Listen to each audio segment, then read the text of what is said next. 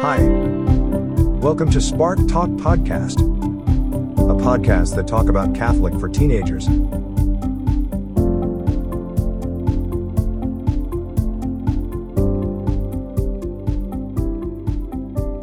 Halo semuanya, selamat datang di Spark Talk episode pertama.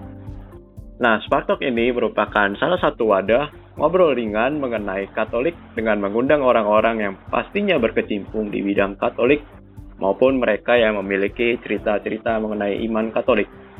Nah, di episode pertama ini sudah ada tamu spesial yang saya undang yaitu Diakon Johan. Bernama lengkap Yohanes Diwandi, Beliau merupakan mantan guru agama di salah satu sekolah Katolik yang mungkin prestisius yang ada di Tangerang Selatan. Dan yang menarik adalah sekarang beliau masih dalam tahap menjadi seorang imam. Nah, eh, berita barunya ini nih, eh, beliau baru saja ditahbiskan menjadi seorang diakon pada tanggal 25 Januari yang lalu. Nah, tidak usah berlama-lama, kita sapa saja tamu spesial kita, Diakon Johan. Selamat datang Diakon, apa kabarnya? Kabarnya baik, luar biasa. Baik, Terima kasih sudah diundang di tempat ini. Baik, siap Diakon. Dan mungkin boleh tahu apa saja kesibukannya saat ini Diakon, dikit cerita aja gitu. Kesibukannya yang pasti menjalani tahun diakonat di Paroki Santo Vincentius Apollo Batu Licin, Kalimantan Selatan, khususnya di stasi Maria Manikam Damai. Ya, kalau bisa dibilang stasi pedalaman, pergi ke stasi-stasi, membantu pastor pelayanan sakramen dan juga ya, pembinaan umat. Begitu tugas saya saat ini sebelum ditabiskan menjadi imam nanti Oh, kalau boleh tahu itu stasinya berapa jauh dari kota terdekat atau kota terbesar gitu ya dia kan? Dari kota Banjarmasin kurang lebih 10 jaman. Oh, 10 jam. Oke, itu berarti uh, kalau saya bandingkan sama Jakarta, eh sorry, uh, dari Surabaya ke kota kelahiran keluarga saya Lumajang itu tuh mungkin tiga jam berarti tiga kalinya ya kurang lebih ya itu. Oh, bisa bolak ya, balik. seperti itulah. bisa bolak balik gitu tuh. Oke. Okay. Uh, eh, oh iya, pertama-tama uh, sebagai pembuka mungkin saya dan teman-teman ucapkan selamat atas tabisannya menjadi seorang, seorang diakon ya. Dari seorang frater menjadi seorang diakon. Selamat. Dan ya, terima kasih. Ya, baik. Dan mungkin sebelumnya uh, boleh diceritakan apa yang membedakan antara frater dan diakon gitu karena mungkin teman-teman juga masih belum ada yang tahu gitu atau mungkin secara singkat apa saja sih tahapan menjadi seorang imam gitu. Oke. Kalau secara umum frater dan diakon itu artinya sama-sama calon imam. Hmm. Hanya memang jika ditinjau dari asal usul katanya, frater itu artinya saudara Sedangkan diakon itu artinya pelayan. Lebih tepatnya pelayan resmi gereja, karena seorang diakon itu ditahbiskan. Jika kita berbicara tentang statusnya sebagai calon imam itu, ada perbedaannya antara frater dan diakon. Kalau seseorang menjadi frater itu dilantik oleh uskup atau oleh romo dengan tanda penerimaan jubah Sedangkan kalau seseorang menjadi diakon itu ditabiskan oleh uskup. Dan sebelum menjadi diakon harus menjadi frater dahulu. Seseorang untuk menjadi diakon harus menjalani masa pendidikan sebagai seorang frater minimal 8 tahun. Yakni sampai selesai S1 filsafat dan S2 teologi. Seseorang yang sudah ditabiskan menjadi diakon pada umumnya enam bulan sampai satu tahun ke depan akan ditabiskan menjadi seorang imam. Begitu yang bisa saya terangkan. Hmm, hmm, hmm. Oh, berarti kita tunggu saja nanti pelayanan menjadi seorang imam ya diakon. Oke, baik. Ya, tentunya tapi yang pasti saya berkarya di Kuskupan Banjarmasin, Kalimantan hmm. Selatan karena saya seorang imam bergabung di Kuskupan Banjarmasin. Hmm, Oke, mungkin kapan-kapan nanti saya dan teman-teman ke sana main Banjarmasin kali. Boleh. Lihat. Lihat diakon gitu. Oke. eh mungkin nah tadi ya ada sedikit menyinggung S1, S2 gitu. Nah, mungkin eh, boleh sedikit di- diceritakan bagaimana latar belakang pendidikan diakon gitu dari misalnya SD, SMP, SMA gitu. Kalau SMP dan SMA saya di sekolah Strada, sekolah Katolik punyanya Keuskupan Agung Jakarta. Hmm. Saya orang Tangerang. Lalu setelah lulus SMA, saya kuliah Fakultas Keguruan Ilmu Pendidikan Teologi Atma Jaya, Jakarta 2002 sampai 2006.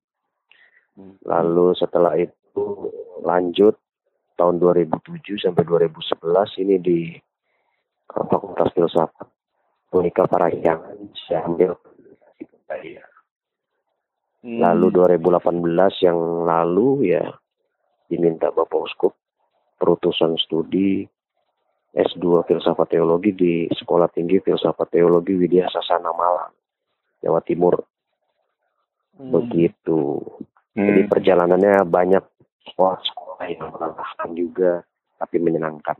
Oh, Oke oke, mungkin eh, sedikit beda sama teman-teman di MIPA ini karena memang eh, diakon ini dari S1 pun udah ngam- mengambil jurusan filsafat gitu ya, ya mengenai Betul. ya mengenai teologi filsafat seperti itu. Sedangkan kita ke ilmu pengetahuan alam yang ilmu pasti gitu diakon.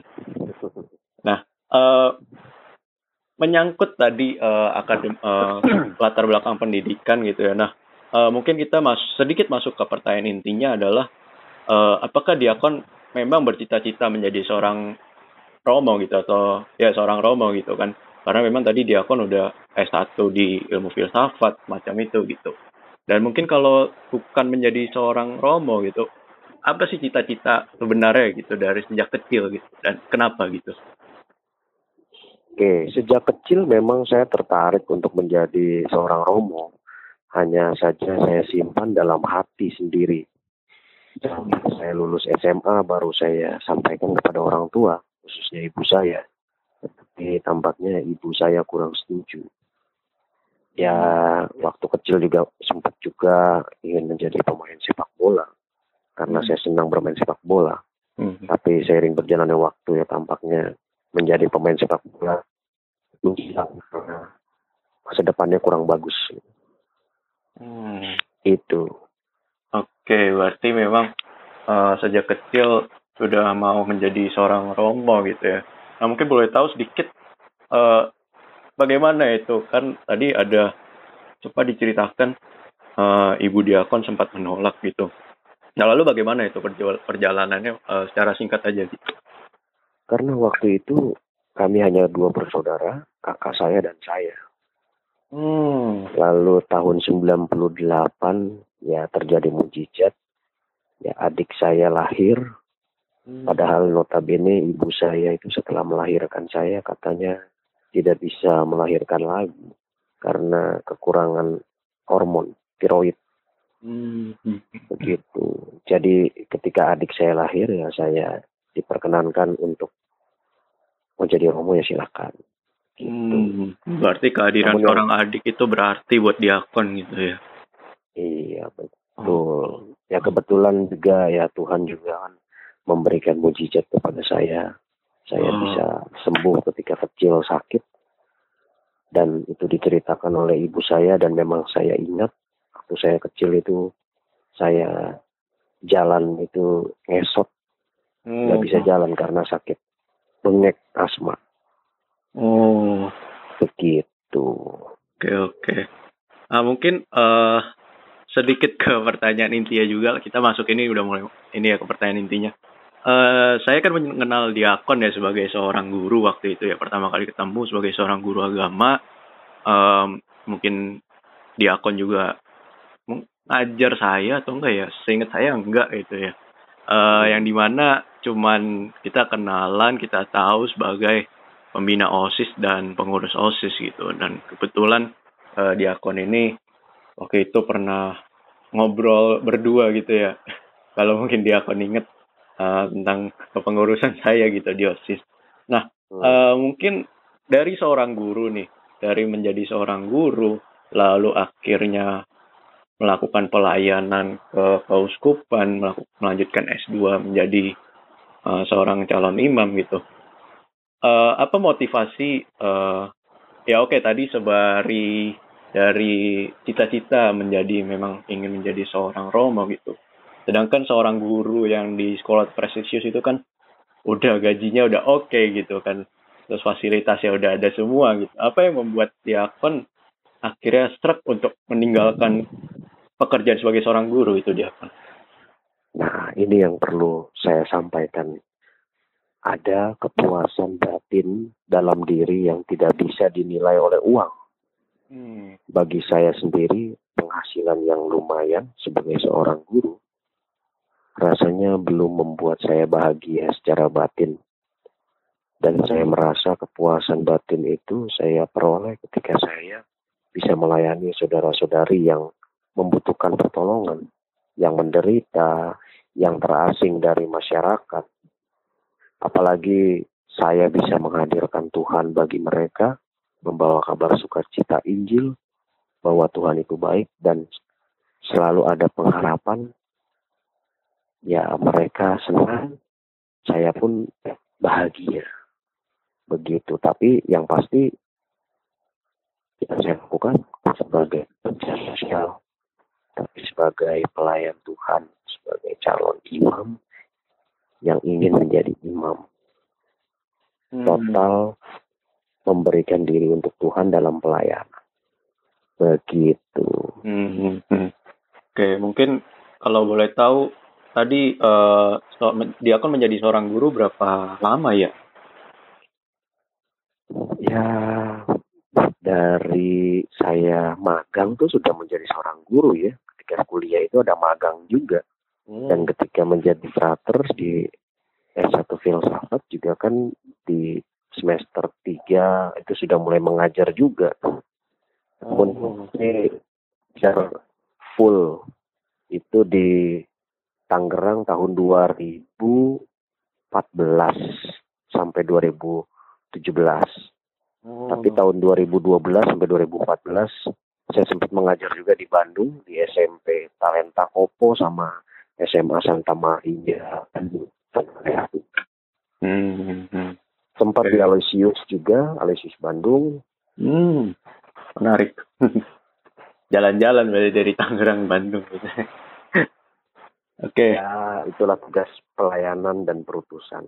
Oke, okay, berarti memang ada rasa tertentu gitu, tidak hanya sekedar kepuasan duniawi gitu ya, mungkin bisa dibilangnya kepuasan duniawi.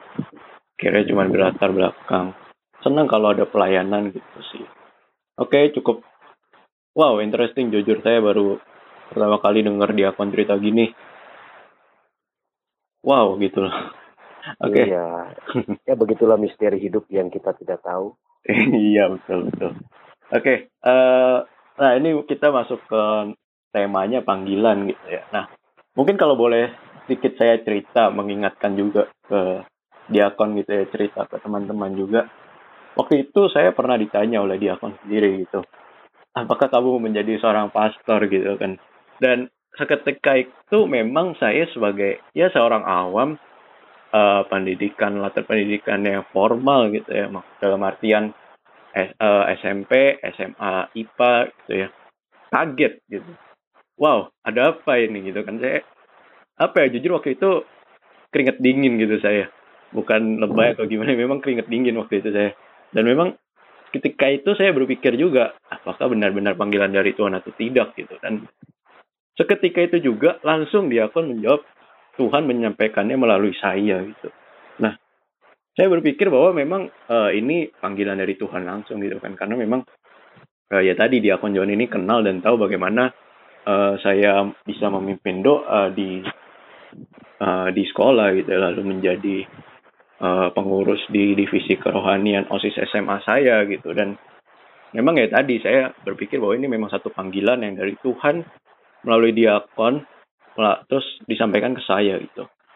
Nah, uh, kalau begitu mungkin uh, menurut diakon apa makna panggilan? Gitu. Dan satu pertanyaan yang di orang awam menurut saya dan teman-teman apakah dosa kalau menolak panggilan tersebut? Dan memang sekarang saya sudah menolak gitu kan. Nah itu bagaimana dia mungkin boleh diceritakan sedikit. Oke panggilan itu keputusan untuk melayani. Hmm.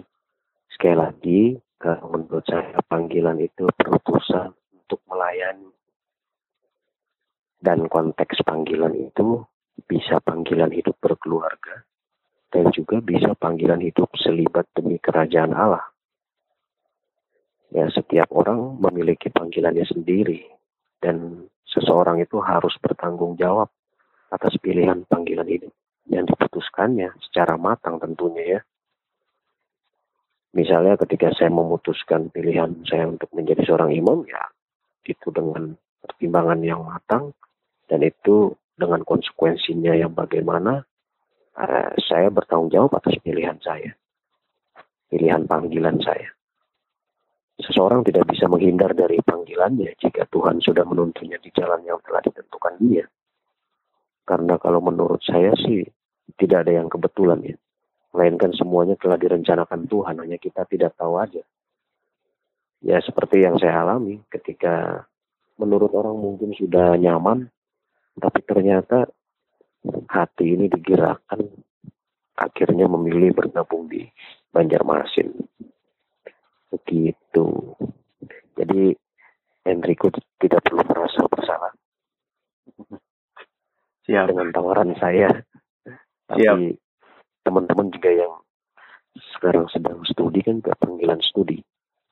Hmm, Oke, okay, berarti, okay, berarti panggilan tidak hanya sekedar panggilan menjadi seorang imam atau uskup begitu ya, diakon. Iya. Ada banyak panggilan, panggilan berkeluarga tadi, ada panggilan studi, dan mungkin tadi yang panggilan melayani itu uh, panggilan membiara ya bahasanya ya diakon ya. Tapi nggak apa-apa kalau misalnya teman-teman dari MIPA tertarik untuk menjadi seorang biarawan biarawati Oh, Rohaniwati. Oke, okay, nah itu oke okay, berarti itu melanjutkan ke pertanyaan selanjutnya nih. Nah, tadi berarti uh, pertanyaannya sebenarnya apakah mahasiswa seperti kita-kita ini uh, bisa menjadi seorang calon imam gitu dan memang tadi bisa gitu ya. Nah, mungkin uh, bagaimana sih kalau misalnya uh, saya nih sudah di MIPA gitu. Nah, nanti bagaimana kalau misalnya mau panggilan hidup membiara gitu dia kan apa yang harus saya lewati studi-studinya gitu. Oke. Seseorang mahasiswa itu bisa menjadi seorang calon imam jika memang dalam perjalanan kuliahnya itu diarahkan Tuhan untuk menjadi imam. Namun yang pasti ya dia harus menyelesaikan studi kuliahnya dulu dengan baik. Selesai studi lalu bicara baik-baik dengan keluarga mengenai niatnya pilihannya untuk menjadi imam. Dan jangan pernah merasa sia-sia atas kuliah yang sudah diselesaikannya. Ilmu yang diselesaikan itu bisa dipakai ketika menjadi prater, Jadi kayak mas uh, MIPA ini kalau memang setelah lulus tertarik menjadi imam ya jadi romo ya bagus. Gak usah khawatir nanti ilmunya bisa digunakan di kesempatan berikutnya bisa saja nanti ketika jadi romo itu ya mengajar sesuai dengan ilmu yang pernah dipelajari. Namun yang pasti panggilan kalian yang saat ini ya sebagai mahasiswa-mahasiswi harus belajar dengan baik dan sesuai dengan kita awal. Dan untuk menjadi seorang imam itu butuh waktu 9 tahun. Yaitu eh, pendidikan formalnya S1 4 tahun, S2 2 tahun normal. S1 filsafat, S2 teologi. Begitu. Hmm. Oke, okay, berarti tadi itu ya uh, kita bisa menjadi seorang calon, eh, kita bisa menjadi seorang imam gitu rupanya. Oke, okay. Oke itu satu ilmu yang baru bagi saya juga sih itu, jujur. Nah, oke mungkin kita uh, sedikit stay on track uh, ke seluk beluk kehidupan diakon gitu. Nah mungkin uh, seminari dan mungkin ordo apa yang pernah diakon ikuti gitu dan bagaimana sih kehidupan di sana gitu, kehidupan sehari-hari dari pertemanan ya atau misalnya dari uh, tempat tinggal ya gitu, mungkin bisa diceritakan? Saya tergabung sebagai anggota klerus diosesan atau keuskupan Banjarmasin ini sebagai seorang konsul namun saat ini saya sebagai diakon Kuskupan Banjarmasin. Jadi kalau bisa dibilang itu hidup dan mati ya di Banjarmasin, di Kalimantan Selatan. Dan tugas perutusan saya sepanjang hidup saya ya di Kuskupan Banjarmasin. Kecuali ada penugasan yang sifatnya khusus dari Bapak Kuskupan Banjarmasin. Lalu mengenai pendidikan calon imam yang pernah saya alami dari seminari eh, tempat saya studi di Seminari Tinggi Interdiocesan Giovanni 12 eh 22 Malang. Nah ini rumah pembinaan para frater Projo Radio Kalimantan ditambah dengan Projo Malang, Projo Denpasar dan Projo Medan serta Projo Timika. Jadi ada 11 kuskupan. Frater Projonya itu tinggal di satu rumah besar bersama-sama. Begitu ya menyenangkan dalam perjalanan formasinya. Kalau kami bilang formasi pendidikan. Hmm. Ya lintas budaya, banyak perbedaan, tapi justru di situlah seorang pater, calon imam itu tempat membaur dengan yang lain. Karena kan ketika menjadi seorang imam, ya dia harus bisa membaur dengan siapa pun. Begitu, hmm. saudara Enrico. Oke, oke, berarti menarik tadi ya rupanya. Seperti mungkin bisa dibilang kayak kos-kosan mahasiswa gitu kali ya, ya. kehidupannya. Oke. Okay. Ya, mungkin okay. bahasa Jawanya kos-kosan, tapi ya kos-kosan eh, rohani, religius dengan porsi disiplin kuat, hidup rohani, hmm. hidup studi. Oke, oke. Gitu. Oke, boleh. Mantap. Nah, mungkin uh, apa saja hambatan atau misalnya masalah yang pernah dihadapi Diakon gitu menjadi seorang imam sampai sekarang mungkin ada kegaduhan hati lah. Atau misalnya ada apa Diakon gitu. Hambatan yang saya hadapi selama menjalani masa formasi atau masa pendidikan. Sebagai calon imam rasanya saya pribadi tidak ada hambatan yang berarti. Karena saya menjalaninya dengan enjoy. Dan sebagaimana mestinya tuntutan sebagai seorang calon imam yakni sanktitas dalam artian hidup rohani baik siensia dalam artian hidup studi ya belajar dengan tekun disiplin lalu sosialitas ya dalam artian hidup berrelasi harus baik dengan siapa pun lalu sanitas dalam artian hidup sehat dan bukan hanya jasmani dan bukan hanya rohani yang sehat. Hmm, oke. Okay. Rupanya gitu ya. Oke, okay, mantap. Nah, oke, okay, mungkin oke okay, sebagai uh, out of the topic nih, mungkin pertanyaan khasnya di podcast kita ini adalah siapa sih tokoh Katolik mungkin Santo atau Santa yang diakon pilih menjadi seorang role model gitu dan apa alasannya dibalik itu? Kalau saya pribadi idola saya itu Santa Teresa dari Kalkuta. Oh, yang baru diangkat menjadi seorang santa ya? Iya. Oh, karena karena dia sangat low profile dan tulus dalam pelayanan kepada sesama totalitas yang luar biasa. Tetapi idola yang utama saya tentunya ya Tuhan Yesus Hmm. Karena siapa pun santo atau santanya, ya mereka semua berkiblat pada Tuhan Yesus Kristus yang tergantung di salib. Menderita sengsara wafat dan bangkit. Jadi ya, kalau yang utama Yesus, lalu perpanjangannya ya Santa Teresa dari Calcutta itu yang menjadi idola saya oh, oke okay, mantap oke okay. mungkin ada kebetulan teman-teman yang mungkin satu role model gitu ya yaitu Santa Teresa dari Calcutta oke okay. iya. menarik ini ya pemilihan role model santa-santanya dan tentunya Tuhan Yesus tadi kita itu ya tetap uh, satu hati uh, tetap memilih Tuhan Yesus sebagai role model kehidupan kita sehari-hari. Kayak cukup menginspirasi sih bener. Bener saya juga nggak pikiran gitu. Oh iya ada Tuhan Yesus gitu oke okay. uh, mungkin nah ini nih sebagai uh, cita-cita diakon itu di masa depan apa sih yang ingin dicapai cita-cita saya itu ke depannya tentu ingin menjadi seorang imam seorang imam yang rendah hati dan murah hati serta berkenan di mata Tuhan. Hmm. Hmm. Tapi ada cita-cita yang lebih luhur lagi, yang masih jauh ke depannya. Ya saya berharap ya, saya bisa meninggal sebagai seorang imam kelak. Adakah cita-cita lain gitu? Atau mungkin apa selain apa kayak misalnya ingin membangun atau panti asuhan atau bagaimana dia kan? Waduh, kalau saya itu belum terpikir untuk berkarya. Oh. Proyek besar apa gitu ya. Namun yang pasti ya di mana ditempatkan ya di situ saya membawa hati saya, membawa Tuhan pada umat yang saya layani.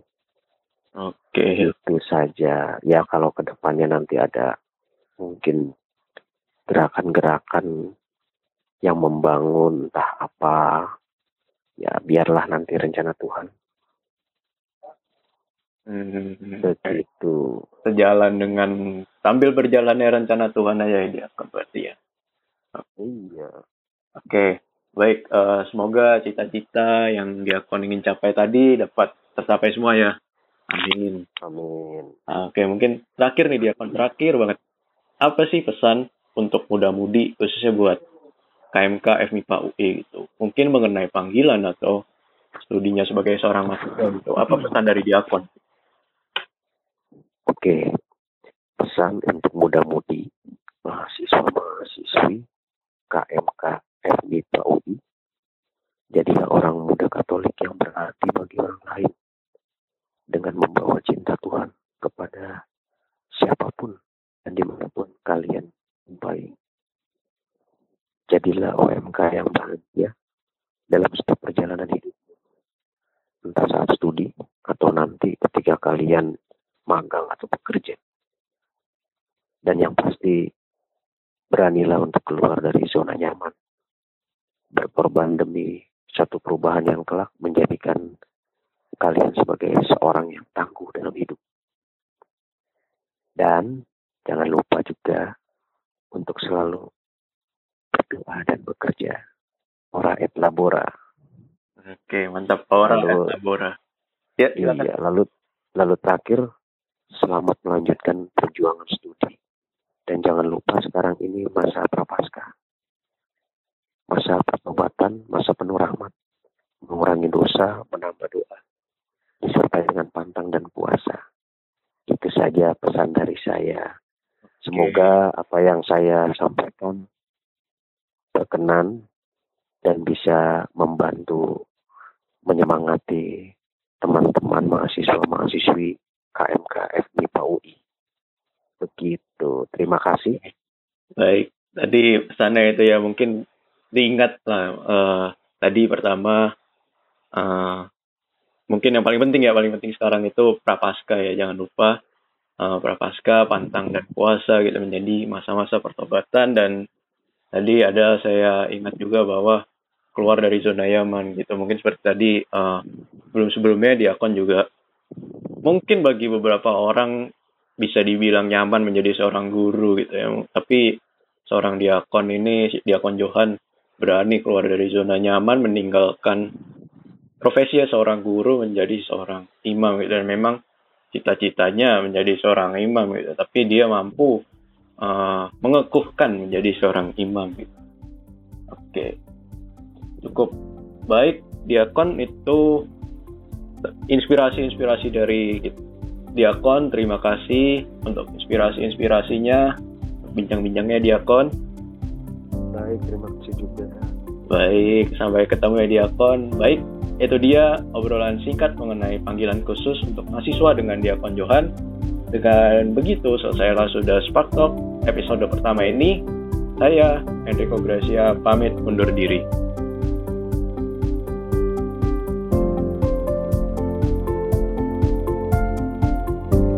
Thank you for listening Spark Talk podcast. Stay tuned for the next episode. And have a nice day.